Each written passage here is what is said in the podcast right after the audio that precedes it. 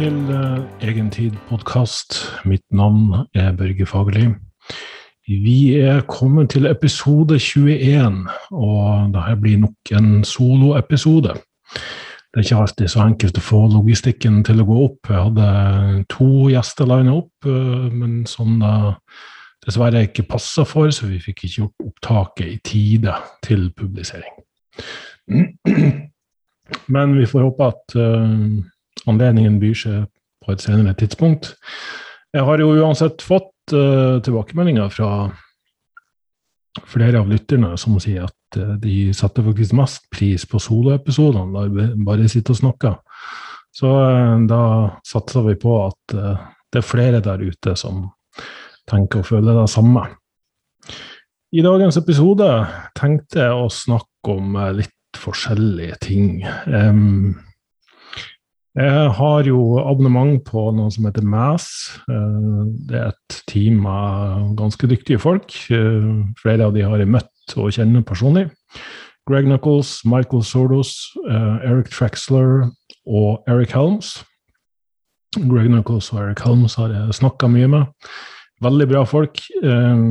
Og de sender rett og slett ut et månedlig nyhetsbrev der de skriver om forskjellige studier gjør både statistisk analyse og litt sånn eh, evidensbasert eh, tolkning av de studiene og resultatene. Så da kan jeg anbefale på det, på det varmeste. Eh, og før jeg går i gang med det, så vil jeg gi en liten shout-out til um, en podkast jeg nylig var gjest på, som heter Wolfgang We Uncut.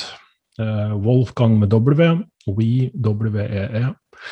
Eh, det var vel den lengste podkasten jeg noensinne har vært med på. To og en halv time ble det, og vi hadde sikkert kunnet fortsatt lengre hvis eh, det hadde vært mulig. Eh, den ligger på YouTube, men finnes også på iTunes og Spotify. Så sjekk gjerne den ut. Vi snakka om mange interessante temaer på den tida. Så til uh, dagens episode. Um, det jeg tenker jeg skal nevne veldig kort, det er en studie som viste at um, styrketrening og tøying har like god effekt på bevegelsesutslag. Uh, sikkert ganske overraskende for mange. Uh, hvor raskt du kan restituere det etter trening. Ehm, og det har jo også da noe å si for hvor ofte du kan trene hver muskelgruppe. Så skal jeg kort inn på um, juks i studier, juks i forskning. At um, flere studier innenfor ikke bare styrketrening og kosthold, men andre fagområder også som har blitt avslørt som juks. At uh, rett og slett manipulering av data av de som har utført studien. Uh, og hvordan det her er blitt oppdaga. Og så skal jeg snakke om perfeksjonisme. Når er det bra, og når er det dårlig? Det blir vel kanskje det største temaet. Uh, så skal vi se Først og fremst Jeg kommer til å linke til de her studiene for øvrig i podkastteksten. Eh, veldig kort eh, strength training versus stretching for improving range of motion. A systematic review and meta-analysis er den første, publisert nylig. Dette anses for å være den eh, største, eller mest pålitelige eh, forskninga som kommer. Det er når et team av forskere setter seg ned og så tar en gjennomgang av eksisterende forskning på området kategorisere ut ifra hvor pålitelig de anser resultatene var, eh, kontekst, målgruppe, demografi osv. Eh, og så trekke noen slutninger ut ifra det. Det som fort kan bli ulempen med sånne studier, er at avhengig av eh, hvilke kriterier de forskerne stiller, så kan de ekskludere mange studier som hadde vært relevant å ta med, og som faktisk kunne ha eh, penser konklusjonen over i en eller andre retninga.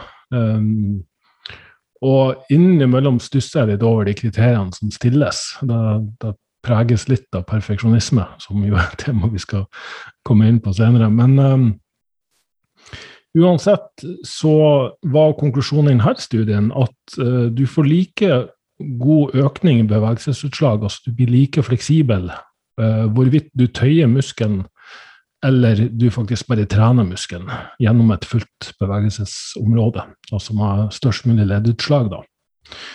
Uh, med forbehold om at veldig mange av studiene er gjort på hamstrings, altså bakside lår. Eh, og det er mange muskler som ikke nødvendigvis er mulig å tøye.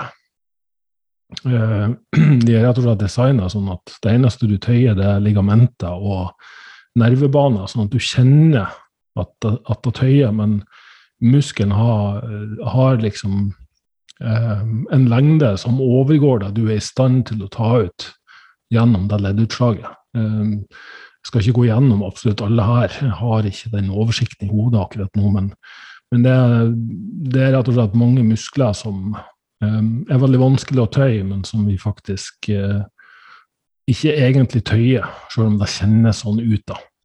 Uh, hamstrings er en av de musklene som går an å tøye, fordi de, eh, den muskelen går over to ledd, både kne og hofte. og da er det selvfølgelig òg litt avhengig av hvilke øvelser du bruker. Hvis du bruker øvelser som strekker muskelen, f.eks. en vanlig lårkøl liggende i maskinen um, Når du ligger flatt og hofta er rett, altså ikke i 90 graders vinkel, så er det rett og slett umulig å tøye hamstrings noe særlig. Du får ikke maksimalt leddutslag med mindre du også bøyer i hofta. Eh, mens en markløft, strak eller rumensk markløft, der du holder kneleddet relativt rett, liten knekk da, og bøyer det forover, så får du godt til å uh, tøye akkurat den muskelen. Med den øvelsen under belastning. Uh, og det er også viktig å differensiere mellom dynamisk, statisk og PNF-tøying. Uh, dynamisk er jo der du bare um, bevege leddet aktivt uten nødvendigvis uh, å bruke så mye motstand.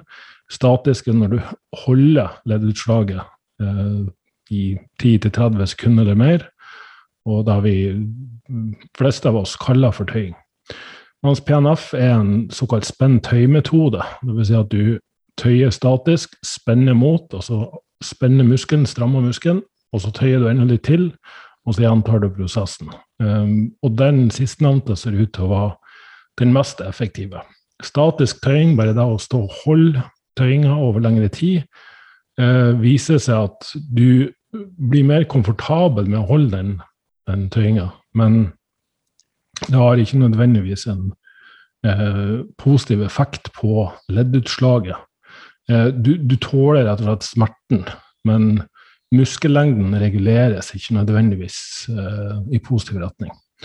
Eh, muskellengde reguleres i stor grad av nervesystemet, så det er ikke sånn at du endrer vever nødvendigvis. Um, men uh, hjernen tolker bevegelsesutslaget som trygt eller ikke trygt. Og ved å aktivt trene muskelen gjennom hele bevegelsesområdet, så vil hjernen oppleve det som trygt å ta ut et større lederslag. Og det er nok forklaringa på hvorfor styrketrening og spentøymetoder eh, for så vidt også ser ut til å ha en såpass positiv effekt på maksimalt leddutslag.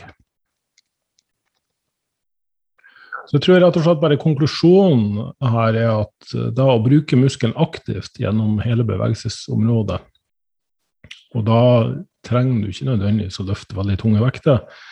Eh, noe sånt som yoga er jo også et eksempel på mobilitetstrening eh, mens du bruker musklene aktivt. Det å få kontakt med pust, det å lære seg å både stramme og slappe av i en muskel. Eh, litt sånn helhetsperspektiv på det kan være sunt og fornuftig for å eh, sørge for at du har en kropp som ikke bare er sterk, men som også er i stand til å bevege seg optimalt. Så uten å dra noen sånn helt bastante konklusjoner. Da skal man alltid være forsiktig med, selv om det kommer eh, studier og metastudier. Men um, Og her også gikk de i dybden på hvorvidt de mente at den studien kunne ha, ha en høy risiko for bias.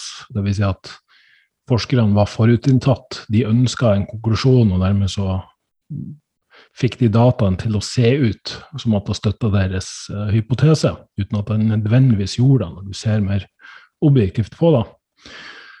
Eh, så var det så å si relativt likt mellom styrketrening og tøying.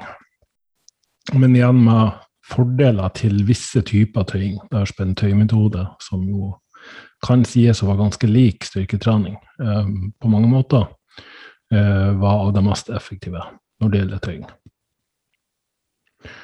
Så neste studie. Um, recovery time course. Uh, muscle activation and volume load performance of paired resistance training bouts with uh, differing intercession recovery periods.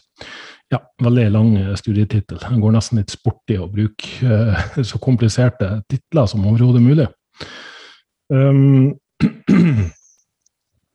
studien gikk uansett ut på at um, godt trente menn fikk trene i tre uker, der de først trente ei økt på mandag med både benkpress og skrå benkpress. Fire sett på hver. Åtte rep maks, og de sørger for at de trente til utmattelse. Dvs. Si tok seg helt ut. Så for hver uke som gikk, så gjennomførte hver person en ny økt etter 24, 48 eller 72 timer. Dvs. Si at det er to eller tre døgn. Uh, I litt sånn uh, vilkårlig rekkefølge for å vurdere om de hadde restituert seg eller ikke. Og da ble det vurdert ut ifra om de klarte å gjenta den forrige økta, eller om de klarte færre repetisjoner eller flere repetisjoner.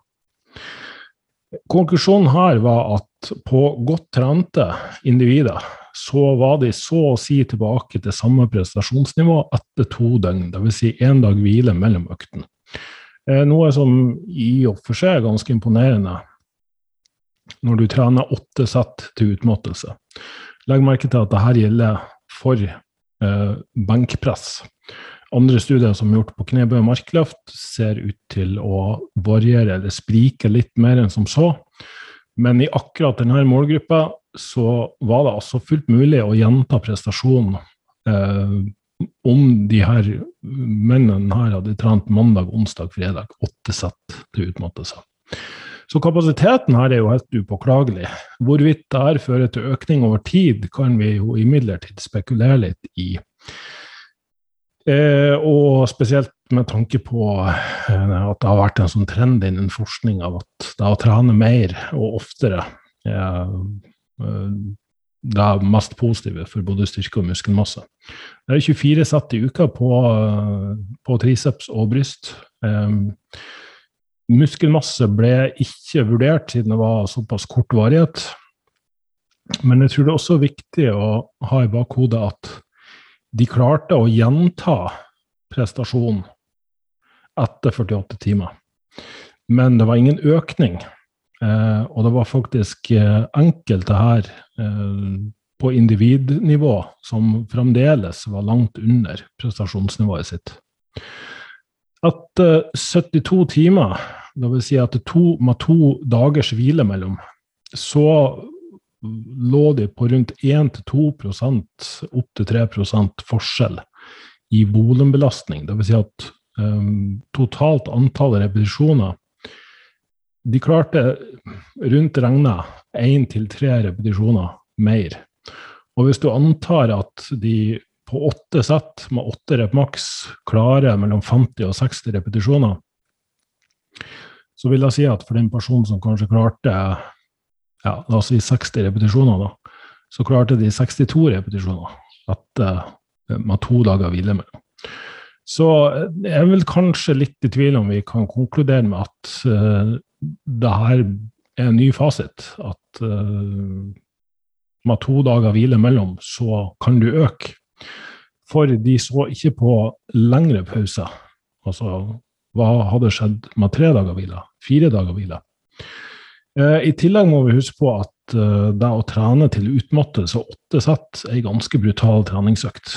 Men um, jeg syns i hvert fall det er interessant i og med at det har blitt en, en greie at du skal trene 20 sett og mer per uke. Der vil være en fornuftig måte å oppnå 20 sett per uke på. 8 sett, opptil 10 sett tre ganger i uka. Eh, for å få det som hevdes som var optimal muskelvekst. At det er den grensen vi skal strekke oss etter.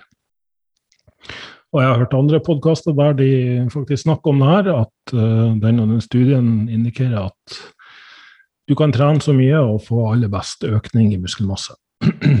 På kort sikt, muligens unge folk, godt trente folk, under visse forutsetninger, for all del, men som sikkert mange av dere har begynt å forstå, så er jeg sterkt imot eh, å konkludere med det på lengre sikt. Eh, I så fall bør du legge inn perioder med mindre trening for å sørge for at du klarer å hente inn igjen. Fordi det andre eh, lenker i kjeden som fort kan bli hengende etter. Både eh, ledd og sener og bindevev. Og ja eh, Evnen til å fylle på nok eh, drivstoff mellom treningsøktene. Og eh, det er rett og slett andre retninger med forskning som peker mot at du kan trene mye mindre og allikevel få like gode resultater, gitt at det struktureres opp riktig. da. Eh, tilbake til denne studien. Eh, sett opp mot studier som ser på trening der du ikke går til utmattelsespunktet, dvs. Si at du har én til to reps i reserve, så kan det se ut som om det å spare, spare seg litt, holde litt tilbake, gjør at du restituerer det mye raskere. Eh, da er det studier som viser at allerede etter 48 timer, når eh, forsøkspersonene ikke trente til utmattelsespunktet, så hadde de allerede økt. Eh, og selvfølgelig med lavere treningsvolum. Åtte sett til utmattelse. Både åtte sett og trening til utmattelse er ganske heftig. Så fire til fem sett med ikke fullt så nært utmattelsespunktet, én til to reps i reserve, to ganger i uka, da er det ganske nært den anbefalinga jeg har for langsiktig framgang og progresjon. Men her viser altså hva som er mulig eh, under eh, korte perioder, eh, og med godt trente menn. I hvert fall eh, når man ser på andre målgrupper, så er det straks litt større variasjon. Men nå var ikke poenget mitt å bruke denne eh, studien for å argumentere for mitt ståsted. Det var å rett og slett bare vise at vitenskapen fremdeles driver og ser på de her tingene, og det er ganske interessant. Eh, og det finnes studier som peker mot mye av det samme. Her er òg studier som viser at det krever opptil fire-fem døgn eller mer, og det er studier som viser at over tid så er det mulig å trene opp restitusjonskapasiteten sin til å kunne eh, trene en muskel mye oftere og likevel restituere seg. Jeg er nok imidlertid bare interessert i å faktisk øke, og kanskje mer og mer gå i retning av eh, hvor lite, eller hva er optimal treningsmengde i forhold til å oppnå en relativt sett god økning over mange måneder og år. Og ja, det er som sagt noe som vi ikke skal sitte her og blåse altfor mye i trompeten akkurat nå. Og så var det to studier fra samme eh, forskergruppe den ene heter 'Comparison of uh, Traditional and Accommodating Resistance Training with Chains on Muscular Adaptations in Young Men' av Arazi. Og de har også publisert en studie altså Der var um, styrketrening med kjetting. Så når du legger kjetting rundt stanga, eh, i bunnen av bevegelsen så ligger mesteparten av kjettingen på gulvet. Når du løfter, så vil flere og flere Eh, lenker i den kjeden løftes opp, og dermed gjør belastninga tyngre. Så Det er en litt mer støyete måte å oppnå det samme på som du gjør relativt sett det samme på som du gjør med trening med strikk. Så både vekte og strikk. Og der er det mye god forskning som viser at på mange øvelser så er det å trene med strikk for å gjøre eh, motstand tyngre når det normalt sett blir lettere i, i eh, bevegelsen. F.eks. i benkpress, da det er tungt i bunnen og lett i toppen. Knebøy det samme, markløft det samme. ved å bruke strikk sånn at det blir progressivt tyngre mot toppen av bevegelsen, så får du eh, jevna ut den såkalte motstandskurven til å passe bedre med muskelens styrkekurve, for å si det litt, på et litt avansert språk.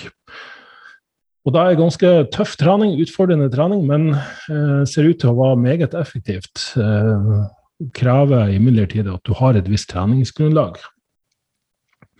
Denne studien viste altså da også at det her var veldig effektivt.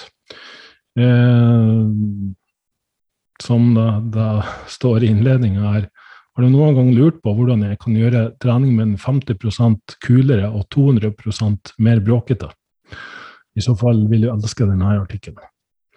Eh, den andre artikkelen var en som jeg sjøl kunne hatt stor interesse av.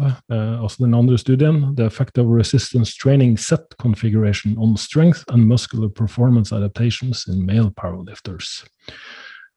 Eh, der så de rett og slett på noe som heter cluster sets. Det minner litt om myoreps, eh, bare at du ikke trener det første settet til utmattelsespunktet. Eh, men f.eks.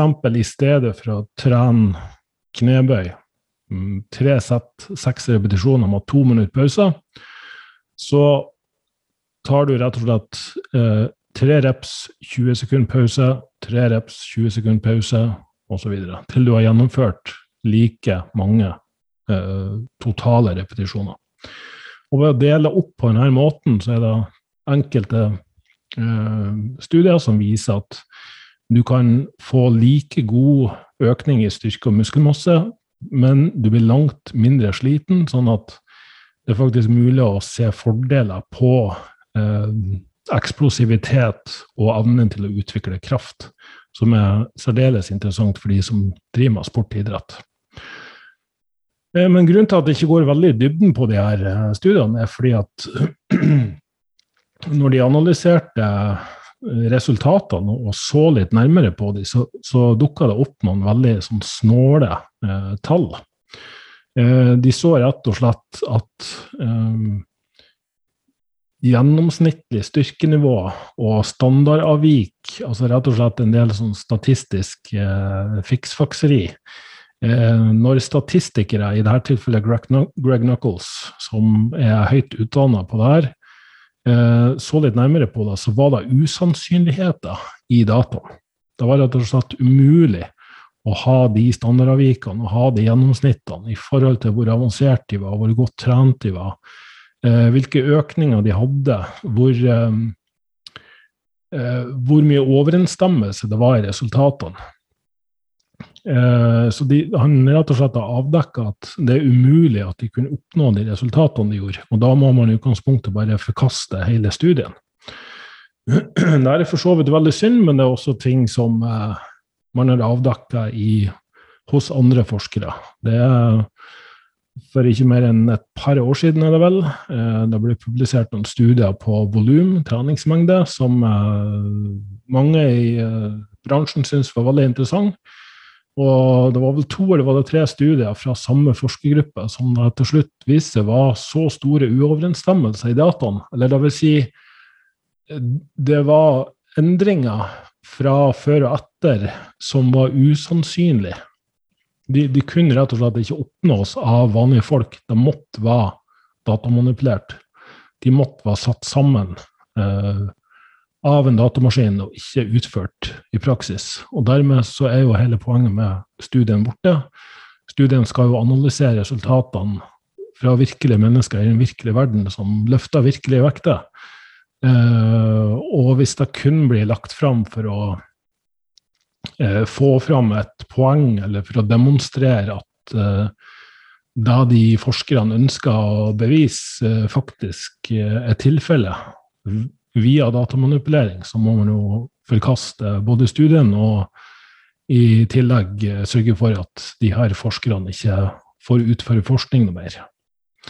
Eh, og det er jo dessverre litt for vanlig innenfor forskning også at eh, det ligger veldig mye penger og økonomi i det å få pålitelig forskning, eller forskningsresultater som understøtter en viss hypotese. det er vel ikke så ofte, men heldigvis skjer det at forskere går inn for å demonstrere noe. F.eks. var det en, en forskergruppe som sjøl fulgte periodisk faste nå nylig, og var store tilhengere av periodisk faste. Gjennomførte en større studie, godt kontrollert studie. Og ut fra deres egne resultater så måtte de sjøl oppgi det og følge periodisk faste, fordi det var rett og slett ikke noe særlig fordel ved det for normale personer. Visse demografier kan imidlertid ha stor effekt av periodisk faste. Eh, men det finnes heldigvis da folk som har god nok integritet til å innrømme at selv om de hadde en personlig interesse av å bevise at det var noe i eh, den hypotesen de framstilte, så var de til slutt nødt til å innrømme at de tok feil. Og da, da syns jeg Eh, om vitenskapelig integritet. Men i dette tilfellet så så de altså at eh, det var umulig at de her dataene kunne ha oppstått i virkeligheten, og måtte bare da konkludere med at det her var, en, eh, det her var forfalsking av data. Så da var det informasjon vi dessverre ikke kan få vite noe mer om, og det var om cluster training og om kjetting har noe for seg. I hvert fall ikke ut fra de her studiene. Det finnes imidlertid andre studier som demonstrerer at det absolutt har noe for seg. Så skal vi på den som jeg syns er veldig interessant å se på. Det er jo noe som dukker opp stadig vekk hos mine kunder. Og det er jo noe som kalles perfeksjonisme. Og her har de også uh, kalt studien 'The Role of Perfectionism in Predicting Athlete Burnout, Training Distress and Sports Performance'.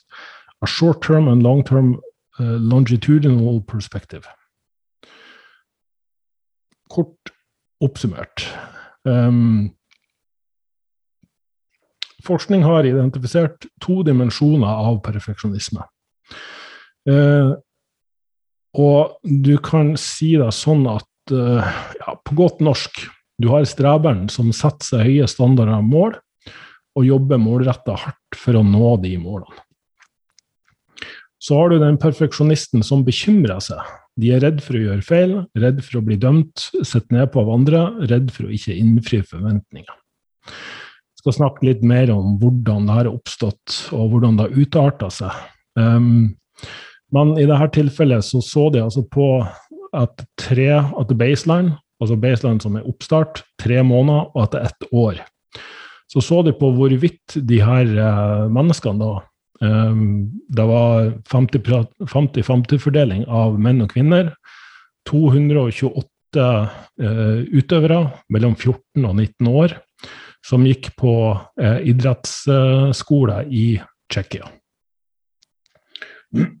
Det var innen ulike idretter. Det var friidrett, eh, svømming, tennis, volleyball, basket, eh, fotball. Eh, som også konkurrerte både på regionsnivå, nasjonalt nivå og internasjonalt nivå. Det var faktisk 35 av de som konkurrerte på internasjonalt nivå. Og det de så på, var jo hvorvidt de uh, møtte veggen, hvorvidt de uh, opplevde å brenne seg ut, dvs. Si at kroppen ikke fungerte spesielt bra, uh, og generelt sett hvordan de hadde det psykologisk. Og det interessante var jo kanskje da at, at i hvert fall etter tre måneder så var det ganske stor forskjell på hvorvidt du streba for å bli bedre, eller du dømte og vurderte deg sjøl for å ikke være god nok. Eh, ganske åpenbart eh, således at de som hele tida eh, bekymra seg over å gjøre feil og var redd for å bli dømt eller sett ned på pga. sine prestasjoner, de som aldri følte at de innfridde forventninger, det var også de som møtte veggen oftere. Eh, og som eh, rett og slett at både hode og kropp eh, ikke fungerte etter en viss periode. Etter ett år så jevna det her seg litt ut, men det var jo en klar trend mot at de som selv om de satte så høye standarder og mål og jobba målretta og hardt mot det, så var det ikke fullt så selvkritisk de, de eh, var vel mer prosess enn målorientert, som vi nå har snakka om i tidligere podkaster. Eh, og det er jo noe jeg også bruker mye tid på å klare å skifte mine kunder over fra å ha masse store og fine og ambisiøse mål, vel og bra da, men du må til syvende og sist være mest opptatt av å bare bli bedre dag for dag. 1% bedre for hver dag akkumulerer seg over tid til å bli ganske stor forskjell. Men hvis du alltid kun ser på 100% som godt nok, så, så, vil du aldri føle det eh, god nok, rett og slett. Og det er jo selvfølgelig noe som eh, kan ha opphav i ulike ting. Med mine kunder bruker jeg kanskje ikke så voldsomt mye tid å sitte og grave i forhistorien og barndommen, men da, det er jo noe som heter at 'know thy enemy', altså vit mer om din fiende. Og ved å ha kunnskap om hvordan dette har oppstått, så kan du lettere gjenkjenne eh, mønsteret. Og eh, jeg tror rett og slett at um, for veldig mange så, så, har det oppstått Og det er klart, her er noen av oss mer følsomme for det enn andre. Men hvis, hvis, kjærlighet og oppmerksomhet fra viktige omsorgspersoner har vært betinget av suksess, det å være flink gutt og flink pike, eh, har liksom fulgt det fra du var barn, eller på den andre sida at skam og kritikk ofte ble brukt når og hvis du mislyktes. Eh, og så trenger ikke det her å være noe som, uh, som du har opplevd Eh, gjennom hele din oppvekst. Jeg har eh, hatt mange kunder der det har, det har vært enkelttilfeller at de har hatt en veldig fin oppvekst, men det har vært enkelttilfeller som bare har festa seg av ulike grunner. Gjennom de formative årene. Barndom, pubertet, ømfintlige perioder i denne personen sitt liv. Så var det en person de så veldig opp til, var veldig glad i, brydde seg veldig mye om, eller som på en eller annen måte fikk uh, inn det stikket, akkurat på riktig sted til riktig tid, så har det etablert seg uh, som et ja, Vi kan kalle det et traume, da, men, men, det er jo ikke sånn at denne personen nødvendigvis lå i fosterstilling i dusjen uh, hver eneste dag etterpå. Det var bare at den festa seg. den huska de sjøl i voksen alder, det som ble sagt på barneskolen, på ungdomsskolen, på ungdomsklubben. Eh, veldig interessant. Eh, men, men, det manifesterer seg i hvert fall i voksen alder av at uh, strenge standarder for deg sjøl og dine prestasjoner vil kompensere for at du, du, har en underliggende følelse av mangel, skam, mislykkethet. at du rett og slett ikke føler at du er bra nok uansett hva du gjør eller hvordan du er. jeg har sett mange som mener i hvert fall at da hun var eldste søskenflokken eller enebarn, eh, da hadde hun blitt investert i og fått pålagt veldig høye forventninger. Eh, og at da kan ofte være tilfellet at slike personer blir perfeksjonister i voksen alder. Men jeg har også sett at både nummer to eller tre, altså både den mellomste og den minste, alt ettersom, har opplevd det samme presset. Fordi storebror eller storesøster var mye flinkere og bedre. Eh, fikk bedre gener, hva, hva, vet jeg, liksom. Og dermed så at den personen fikk mye positiv oppmerksomhet og skryt. Eh, og da ble det også eh, en ting som festa seg i hodet som et kriterium for å få validering.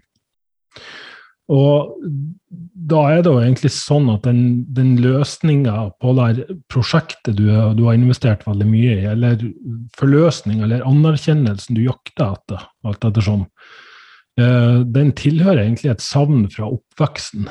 Og vil derfor være umulig å oppnå i voksen alder, fordi historien er tilbakelagt. Det vil si at du kan ikke gå tilbake i tid. Riktignok har jeg mine metoder for å gjenoppleve og øh, holdt på å si, skrive over, eller i hvert fall reframe, som det heter. Se historien et, um, på en ny måte, som kan være ganske effektiv, um, om ikke er interessant for mange. så er det i hvert fall sånn at uh, da å prøve å kompensere for uh, hull i oppveksten din, eller ting du savna eller ikke fikk nok av på kritiske perioder i livet ditt i voksen alder, ofte kan være eh, veldig vanskelig å få til. Altså, da fører rett og slett bare til at det blir destruktivt i stedet for produktivt.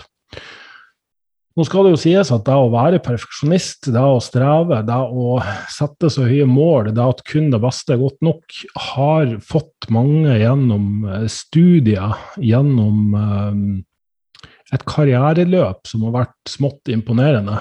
Um, har gjort at de har kommet veldig langt. Uh, men baksida av det er jo da nettopp at de til syvende og sist møter veggen kjenner på så mye press og stress at om ikke hodet stopper opp, så stopper kroppen opp og sier fra at nok er nok.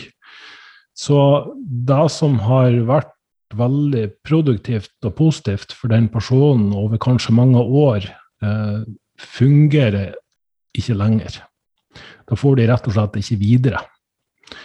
Eh, og om da får de videre, så er det under såpass mye press og stress at de ikke føler noe glede over det.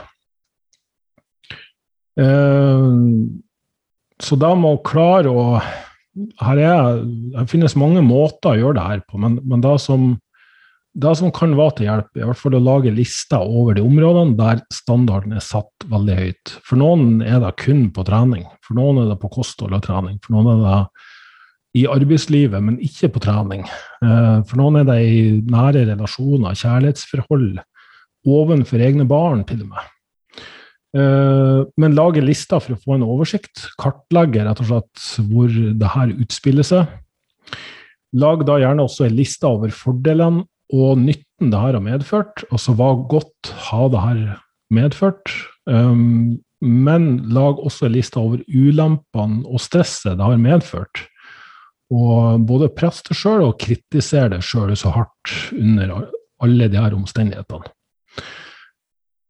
Det neste som kan være nyttig, det er å forestille hvordan livet ditt hadde vært uten det presset og stresset. Eh, og med press og stress så mener jeg at det er jo tanker om hvordan ting burde være hele tida.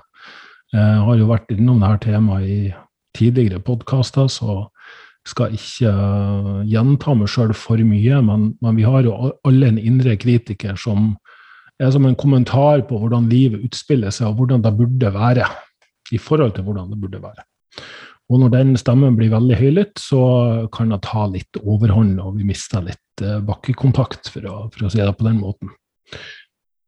Eh, og for de som rett og slett syns at det er ubehagelig Jeg har mange stillede spørsmål. Ja, hvordan vil livet være uten press og stress? Nei, da jeg får ikke til noen ting. Da blir jeg bare sittende på ræva og, og ja, gidder ikke gjøre noen ting. Og de er på mange måter avhengige av den perfeksjonismen, da. Eller enkelte trekk ved den perfeksjonismen er det som har skapt såpass mye opplevelse av suksess i livet deres, gitt at de faktisk har hatt en opplevelse av suksess, at det ikke bare har vært et mål de har flytta eh, utenfor rekkevidde hele tida. Men det å gi det opp helt er i hvert fall tilsynelatende vanskelig eller umulig for dem. Og da er det neste spørsmålet ok, men hvordan kan livet være hvis du senker den terskelen med bare 10 At i stedet for at det må være en tier hele tida, at det må være en 100 hva med at det bare er 90% eller en nier? Eller til og med et område mellom 7, 8 og 9. At det er Du gjør så godt du kan, og det blir så bra som det kan bli, men det trenger ikke alltid å være best på alle mulige områder absolutt hele tida. Hvordan kan livet være da? Og svaret for mange er jo da at ja, sannsynligvis har jeg det litt bedre med meg sjøl. Det vil være litt uh, lettere og enklere å feire litt, i stedet for å bare være misfornøyd med at det ikke ble 100% eller perfekt hele tida. Og de fleste visdomstradisjoner, enten det er fra Østen eller Vesten, det handler jo veldig mye om å leve i øyeblikket. Eh, og det advares mot å leve livet som et sånt evig jag etter noe som ligger i framtida, som noe sånn ullent abstrakt der fremme. Eh, for hver gang vi liksom traver mot denne framtida, strever, galopperer, eh, presser og stresser mot denne framtida, den lykken der framme, så går vi på sett og vis glipp av livet her og nå. Så jeg tror at det moderne mennesket, gitt at vi lever i et samfunn som, som er fylt av så mye suksesshistorier og krav og press allerede, så, så, så tror jeg rett og slett at vi, vi, har mye å lære av akkurat den livsfilosofien som handler mer om her og nå. Eh, det kan fort mase så mye om at det blir klisjéaktig, men klisjé har jo òg en tendens til å være sann. Så, så, jeg tror i hvert fall at mange av oss, inkludert meg sjøl her, um, hele tida jakter på lykken der framme, mens da vi egentlig bare oppnår, oppnår det å miste den gleden og den lykken vi faktisk allerede har. Og De gamle stoikerne hadde jo for vane å i hvert fall sitte og reflektere over hvordan det vil være å miste alt det du har nå, for å kunne sette større pris på det. Noen gikk jo så langt som at de faktisk kvitta seg med alle eiendelene og bosatte seg i hula ute i skogen. Men uh, jeg har ikke tenkt å oppfordre noen til å gå så langt. Men, men det å faktisk reflektere over hvor takknemlig du er for det du har allerede nå, har um, ganske så positive effekter. Det, det, kan jeg si for min egen del. Og ikke bare det du har allerede nå, men, men gjerne også de menneskene du har rundt deg i livet ditt. For da flytter du også med en gang fokuset over på de andre rundt deg, sånn at ikke alt handler om deg sjøl.